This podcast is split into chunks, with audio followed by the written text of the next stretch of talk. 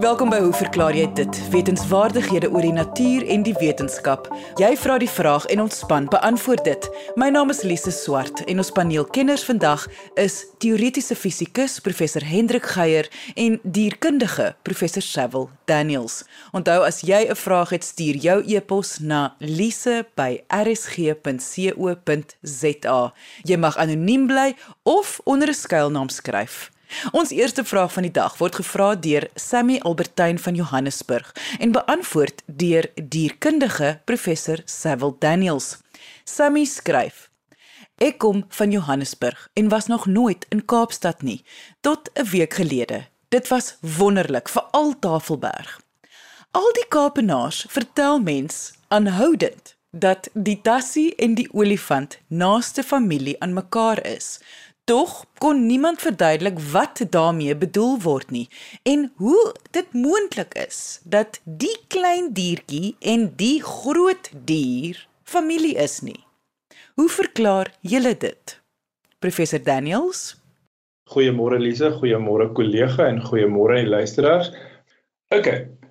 So 'n mens moet nou onthou dat uit 'n filogenetiese perspektief, met ander woorde uit 'n evolusionêre perspektief, evolusionêre stamboom, is die filogenie wat mense optrek gewoonlik gebaseer op morfologiese kenmerke of op molekulêre kenmerke.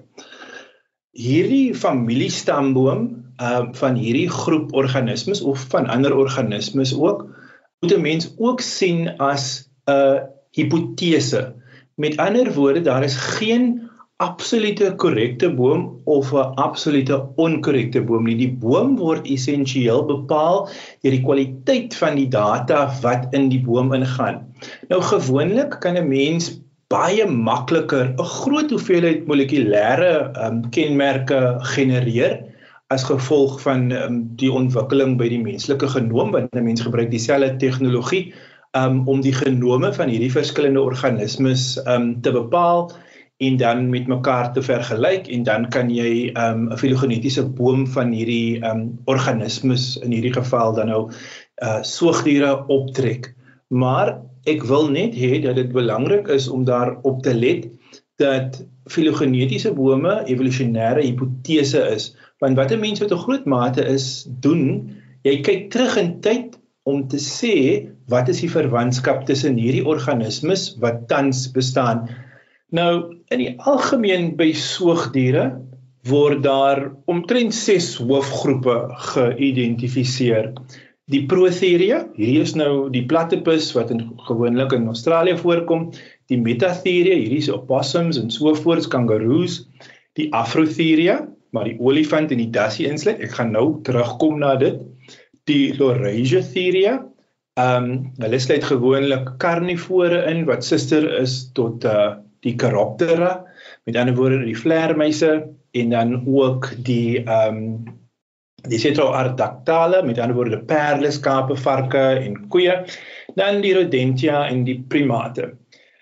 Maar die evolusionêre verwantskappe gebaseer op verskillende bome verskil met mekaar. Ek dink die meeste soogdierkundiges sal saamstem dat daar twee hoofgroepe soogdiere is die soogdiere wat natuurlik ehm um, hulle ehm um, baie jong geboorte gee en dan ook die ehm um, die embryos of die of die jong fetusse in hulle buidels hou. Met ander woorde die buideldiere of die marsupiale diere en dan die plasentale diere die diere met goed ontwikkelde plasente wat gewoonlik ehm um, geboorte skenk aan 'n redelike volwasse organisme ehm um, waarvan mense byvoorbeeld 'n voorbeeld is as ook hierdie um groep organismes wat dassies en olifante en sirenia byvoorbeeld insluit. Nou die mees onlangste molekulêre werk is baie belangrik om hierop te let. Die mees onlangste molekulêre werk wat 'n filogenetiese boom opgetrek het, stel voor dat daar werklik wat in die filogenetiese um terme bekend staan as 'n uh, 'n uh, politomie is tussen die dassie die olifant en ehm um, die sirenia. Nou die sirenia sluit in die dugongs of die manatees of uh, die seekoeie sal ek nou maar sê want dit is nou die mees algemeenste naam wat ek dink mense vertroud mee gaan wees. So gewoonlik wanneer 'n mens dink aan 'n aan 'n politomie uit 'n filogenetiese perspektief uit, dink jy aan 'n vurk. Nou mense nou dink die vurk daar in die laai waar die ehm um, waar die ander um virke gehou word het gewoonlik 3 tande nê? Maar hy kom met 'n steel. Nou die feit dat daar een steel is wat lei tot hierdie 3 tande soos die drie groepe wat 'n mens nou hier sien die dassie die olifant en die sirenia beteken uit 'n evolusionêre perspektief uit dat hierdie drie diere monofileties is mono enkel fileties um evolusionêre geskiedenis. Met ander woorde hulle deel 'n gesamentlike voorouer So alhoewel dassies en olifante en die manatees baie na verwant is aan mekaar, is dit nie moontlik om te sê watter een is nader verwant aan aan een. Hulle kom uit 'n gemeenskaplike voorouer uit. Mense dink nou aan die steeltjie by die vurk. Die vurk het 3 tande en is die drie groepe. Nou die Afrotheria, wanneer mens die naam afbreek, Afro uit die aard van die saak Afrika, Mense kan nou byvoorbeeld dink in die 60 en 70s, dis nou voor Lisa gebore was, het die mense ehm um, van kleer het altyd sulke pragtige haarstyle gehad, die afro haarstyl. So afro uit Afrika, Thiria, dier, so hierdie diere is nou inheems aan Afrika. Hulle sluit in goue molle, olifante, spitsmuise, aardvarke, dassies en dan nou ook hierdie seekoeie of die manatees. Nou uit 'n uh, morfologiese oogpunt uit is daar heelwat kenmerke wat gedeel word tussen olifante en dassies. Die tonaals by die twee groepe is dieselfde. Hulle het beide uitstekende gehoor. Hulle het baie sensitiewe kussings op hulle pote 'n mens kan nou dink olifante is bekend daarvoor dat hulle infraklank gebruik vir kommunikasie wanneer die diere kilometers van mekaar af is, kan hulle nog steeds mekaar hoor en die meeste um navorsing wat hier gedoen is, stel ook voor dat hulle al beide hulle looppote sowel as hulle ore gebruik om te luister na die klank wat van konspesifieke diere um afkomstig is. Die bene by die twee groepe, dassies en olifante, is ook baie dieselfde en beide groepe het 'n goeie geheue en 'n goeie en goed ontwikkelde brein. Nou die filogenetiese werk stel ook voor ehm um, dat hierdie groepe omtrent 50 miljoen jaar gelede van mekaar gedivergeer het. Met ander woorde uh, van mekaar um afgesplit het, sal ek nou maar sê. So in terme van tyd is hierdie 'n baie oergroepering. As 'n mens ook dink aan die verskillende um, morfologie van die groepe wat 'n mens hier kry, byvoorbeeld 'n olifant, 'n aardvark, 'n dassie, goue molle is 'n groot verskeidenheid morfologiese groepe wat 'n groot verskeidenheid ekologiese nisse ook beslaan. So ja, dassies en olifante en seekoeie is na verwant aan mekaar. Nie seekoeie uit dieselfde oogpunt as die seekoei nie, as in die sin van 'n uh, 'n manatee of 'n dugong. Hulle is na verwant aan mekaar, maar na verwant is ook redelik relatief in die opsig dat die as die diere 50 miljoen jaar gelede um laas 'n gemeenskaplike voorouer gedeel het, gaan hulle uiteraard morfologies in verskillende rigtings ontwikkel en gespesialiseerd raak vir die habitatte waar hulle voorkom. Uiteraard is al drie van hierdie um groepe die um olifant, die dassie as ook die dugongs of die seekoeie, hulle is dan nou ook almal herbivore, maar die spitsmuise byvoorbeeld, hulle is insekvreters om nie te, ver, te verwar word met ander insekvreters nie en dieselfde by die goue molle. So Afrotheria wat die wat die klade is of die groepering is waar hierdie um soogdiere in voorkom is 'n monofiletiese groep, 'n groep met 'n enkel evolusionêre oorsprong wat endemies is aan Afrika en hulle deel heelwat morfologiese uh kenmerke met mekaar soos ek nou net um voorheen verduidelik het.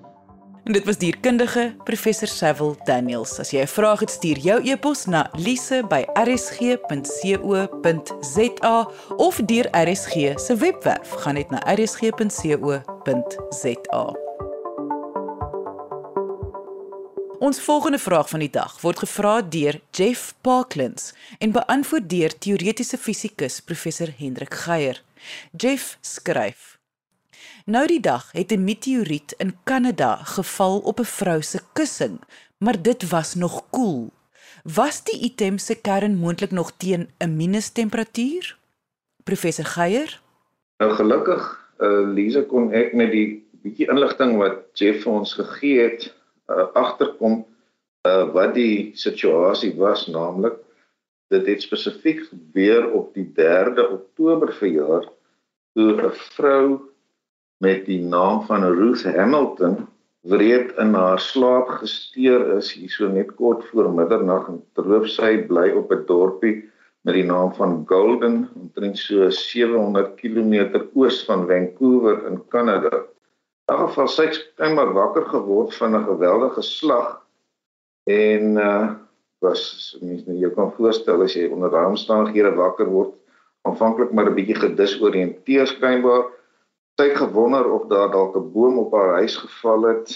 Sy het uh die noodnommer gaan bel 911 en tydens die gesprek het sy toe skynbaar opgelet dat daar wat sy vir die persoon aan die ander kant beskryf het as 'n rots in haar bed lê want terloop die ding net het reg deur die dak en die plafon getrek. Nou lank storie kort te maak, uiteindelik het een of ander sekuriteits of polisiebeampte 'n draai daar gemaak uh en net op tyd het hy toe voorgestel dat dit heel waarskynlik uh 'n meteoriet is. So net weer terug by terminologie wat ek al 'n vorige keer op die program aangeroer het. Uh daar's drie fases van hierdie ding wat almal verskillende name het. 'n mens praat van 'n meteoroïde as so 'n stuk rots nog buite die aarde se atmosfeer ergens in die ruimte ronddwaal. Tipies kom hierdie kleiner stukke van die asteroïde gordel af. Eh, maar in elk geval tot tyd en wyl so 'n ding ingevang word deur die aarde se swaartekrag en in die atmosfeer beland, word hy 'n meteoroïde genoem. As hy nou eers in die atmosfeer is, is hy 'n meteoor en as hy die val deur die atmosfeer oorleef en 'n stuk van hom oorbly op die aardoppervlak praat ons van 'n meteoriet. So in elk geval so wat nou daar in uh Ruth Hamilton se bed gelê het was 'n stukkie meteoriet soos ook bevestig is deur iemand van 'n nabygeleë uh, universiteit met wie sy geskakel het by dit is die universiteit van Wes Ontario en hulle het bevestig dat hierdie uh, 'n uh, stukkie meteoriet was omtrent so kilogram massa. So gelukkig het die ding maar misgeval en dit bring mense nou uiteindelik ook by wat kan jy sê oor die temperatuur van sulke goed? Het jy statistiek nou Jeff se vraag te probeer beantwoord?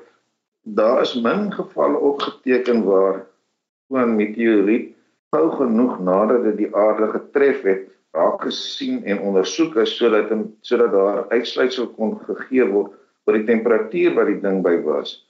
Nou ek kom terug daarby, uh, maar laat ek net sê daar's een baie bekende geval wat opgeteken is wat in 1954 plaasgevind het. Uh, dit was die geval van iemand met die naam van Anne Hodges. Sy het in die deelstaat Alabama in in die VSA 'n plekkie gebly met die naam van Sylacauga. Uh en 'n soortgelyke ervaring as Ruth Hamilton gehad. In 'n geval het die het die meteoriet amper 4 kg geweeg. Uh, dit het haar gelukkig nie direk uh, getref nie, maar skynbaar afgespring van 'n ou tydse radiostel wat daar naby gestaan het en nogal 'n redelike groot neusplek op haar sy veroorsaak.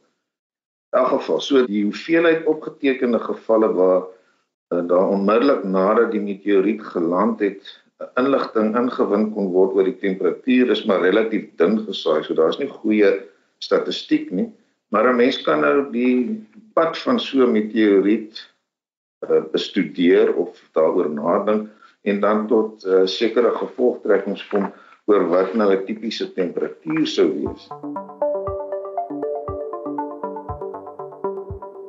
As 'n mens egter vra wat is die temperatuur sê maar binne 'n sonnestelsel soos ons in, dan hang dit nou nogal van 'n hele klompie goed af. As jy na spesifieke planete of na ons maan kyk, dan moet 'n mens vir jouself afvra, het die dinge atmosfeer onder andere en moet jy besef dat temperatuur soos wat ons dit tipies registreer as wat is die temperatuur buite wat 'n maatstaf is van hoe vinnig molekules spesifiek lugmolekules beweeg en dis wat jou vel registreer en vir jou vertaal na 'n temperatuur wat nou gemaklik of te koud of te warm is. Daar is nie molekules op 'n plek waar daar nie 'n atmosfeer is nie. So die temperatuur word as daar objek onder daai omstandighede blootgestel is, uh, word uitsluitlik bepaal deur straling direk van die son af byvoorbeeld. So as 'n mens vra wat is die temperatuur op die maan byvoorbeeld, uh, dan wissel dit uh, na gelang van of daardie gedeelte van die maan waarop jy nou die temperatuur wil meet, op daardie stadium blootgestel is direk aan die sonlig of nie. So lees 'n mens byvoorbeeld dat dit kan wissel sê maar by die ewenaar.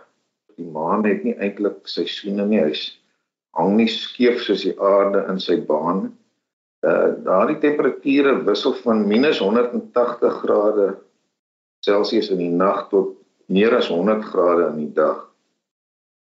So dis alles as gevolg van direkte blootstelling aan die son. As mens dieselfde vraag vra oor wat die fisiese temperature is op Mercurius, dis nou die planeet naaste aan die son in ons sonnestelsel waar daar eintlik geen atmosfeer is nie en daar wissel die temperature skynbaar van omtrent -170 tot +420 uh, nag en dag. Mars het weliswaar 'n atmosfeer omtrent 95% koolstofdioksied en daar kan 'n mens praat van 'n gemiddelde temperatuur van omtrent -60 grade. Terloops Mars het ook seisoene want sy skeefhang is baie soortgelyk aan die van die aarde en in die winter kan dit by die pole daar omtrent -125 grade word. So, dit is die soort temperature waaraan so 'n stuk rots wat nou op pad is om die aarde se atmosfeer binne te dring blootgestel word. As mens nou sommer net 'n een eenvoudige gemiddeld vat uh, van die maan se uh, temperature, dan praat 'n mens van 'n gemiddelde temperatuur van omtrent -40 grade Celsius. Mens neem aan hierdie stuk rots soos wat hy deur die lug trek, die een of ander rotasie, so hy se verskillende kante word om die beerd blootgestel en nie blootgestel direk aan die sonlig nie. So mens kan tipies met daardie soort temperatuur werk. Nou moet 'n mens vra wat gebeur as so 'n meteoriete uiteindelik die atmosfeer tref, want ons is gewoond daaraan om aan hierdie goed te dink as vuurballe wat deur die atmosfeer trek. Wat gebeur met die ding op sy reis deur die atmosfeer? mens kan jouself onder andere net uh, inlig dat die atmosfeer se eie temperatuur wissel van omtrent 'n gemiddelde 15 grade naby die aardoppervlak en as 'n mens nou hoër opgaan in die atmosfeer uiteindelik by die stratosfeer dis omtrent so 12 tot 55 km bo kan die aardoppervlak praat mens van -60 grade nog hoër die mesosfeer -85 En dan as jy uiteindelik kom by wat genoem word die termosfeer 80 tot 500 km weg van die aardoppervlak, styg die temperatuur weer aansienlik, soveel sodat dit uh, aangegee word as tot by 1500 grade Celsius. Nou mense kan nou nie eintlik daar jou vinger by 'n ruimtetuig uitsteek nie, maar as jy nou sou kom, moet jy nou nie dink jy gaan skielik brand nie, want daai temperatuur is natuurlik nie enigste maatstaf vir wanneer jy gaan brand of nie. Dit dit gaan ook oor hitteoordrag en daar is so min molekules wat weliswaar nou baie vinnig beweeg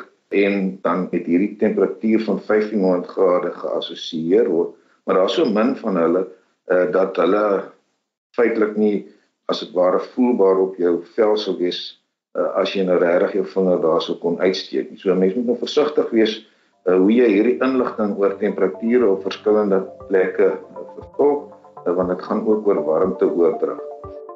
Jy luister na Hoe verklaar jy dit op RSG 100 tot 104 FM.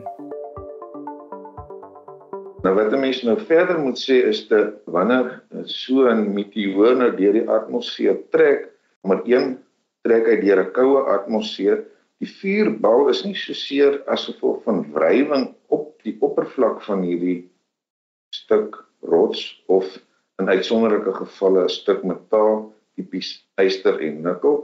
Dit is nie noodwendig 'n gloed as gevolg van wrywing nie. Dit speel so 'n bietjie van 'n rol, maar dit het eintlik te maak met samedrukking van die lug omdat hierdie ding aanvanklik teen supersoniese spoed beweeg. So die lug voor hom word so erg saamgedruk dat dit begin gloei en dit is wat 'n mens sien. So klankspoed is omtrent so 1235 km/h. Ons lees dat 'n uh, uh, meteoriete wat die atmosfeer binnendring doen dit teen 'n tipiese spoed van hier by die 40000 km terloops. Uh, met baie van hierdie inligting is dit so dat dit wissel van bron tot bron so duidelik is hierdie goed nie dinge wat jy baie akkuraat kan meet en vasstel nie. Maar nietemin dit gee mense gevoel van die orde grootte. Verder uh, as so 'n meteoor deur die atmosfeer trek verloor hy natuurlik spoed as gevolg van die feit dat hy 'n lugweerstand ondervind en 'n mens lees dat uh, hier om aan by 'n hoogte van omtrent 50 km of so begin die goed al so stadig beweeg dat hulle nie meer gloei nie. Verder is die tyd wat dit deur die atmosfeer beweeg relatief kort. Dit beteken dat selfs al is daar sprake van verwarming of verhitting as gevolg van die uh, wrywing, dat daar nie lank genoeg kans is vir hierdie warmte om van die oppervlak deur te dring tot die kern van die ding nie. Die buitekant word tipies weggesmelt, maar dit skil veraf ook as gevolg van die skokgolf wat aan die voorkant gevorm word. Mense uh, verwys hierna in Engels as ablation.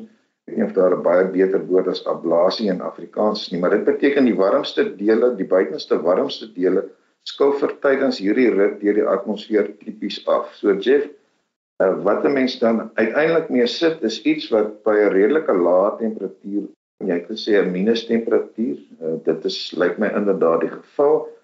Ehm um, daar's nie genoeg kans vir die ding om so warm te word uh, dat wanneer hy hopelik nie langs jou op jou bed land nie, en nog so warm is dat hy 'n gat daar gaan brand nie. En terloops, as mens lees dat die kanse dat jy deur so 'n meteoriet getref gaan word word tipies aangegee as 1 in 'n 100 biljoen, waar biljoen nou in my taal 10 tot die mag 9 is. So dis 1 in 10 tot die mag 11.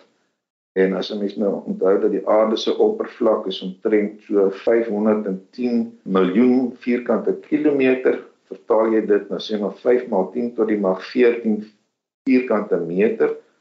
En mens lees ook daar val omtrent so 6000 van hierdie goed per jaar tot op die aardoppervlak, dan gee dit jou inderdaad 'n 1 in 100 biljoen kans dat so 'n ding jou gaan tref. So dis nou nie iets waaroor jy slapelose nagte gaan hê nie. Maar nietemin, ek dink die belangrike is so 'n meteoriet nie noodwendig baie warm gaan wees nie.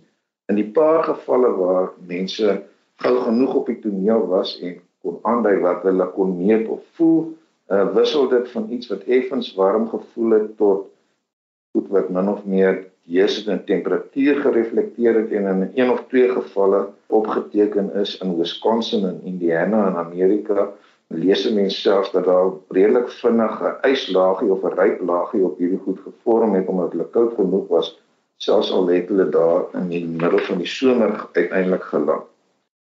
So Jeff, dankie dat jy hierdie gebeurtenis onder ons aandag gebring het uh, met die interessante kwessie van wat verwag 'n mens om omtrent die temperatuur van so 'n meteoriet. Uh ek hoop die paar gedagtes uh help jou om die storie beter uh, in perspektief te plaas. En dit was teoretiese fisikus professor Hendrik Geier. Ongelukkig het ons nie tyd vandag vir 'n kitsvraag nie, maar stuur jou vraag, lank of kort, na lise@rsg.co.za. Onthou jy mag onder 'n skuilnaam skryf of vra om anoniem te bly as dit jou meer gemaklik laat voel om jou vraag te stel. Ek sê baie dankie aan ons kenners en vraagstellers vandag. Onthou om altyd nuuskierig te bly en altyd vrae te vra. Heerlike dag verder. Tot volgende week net hier op RSG. Totsiens.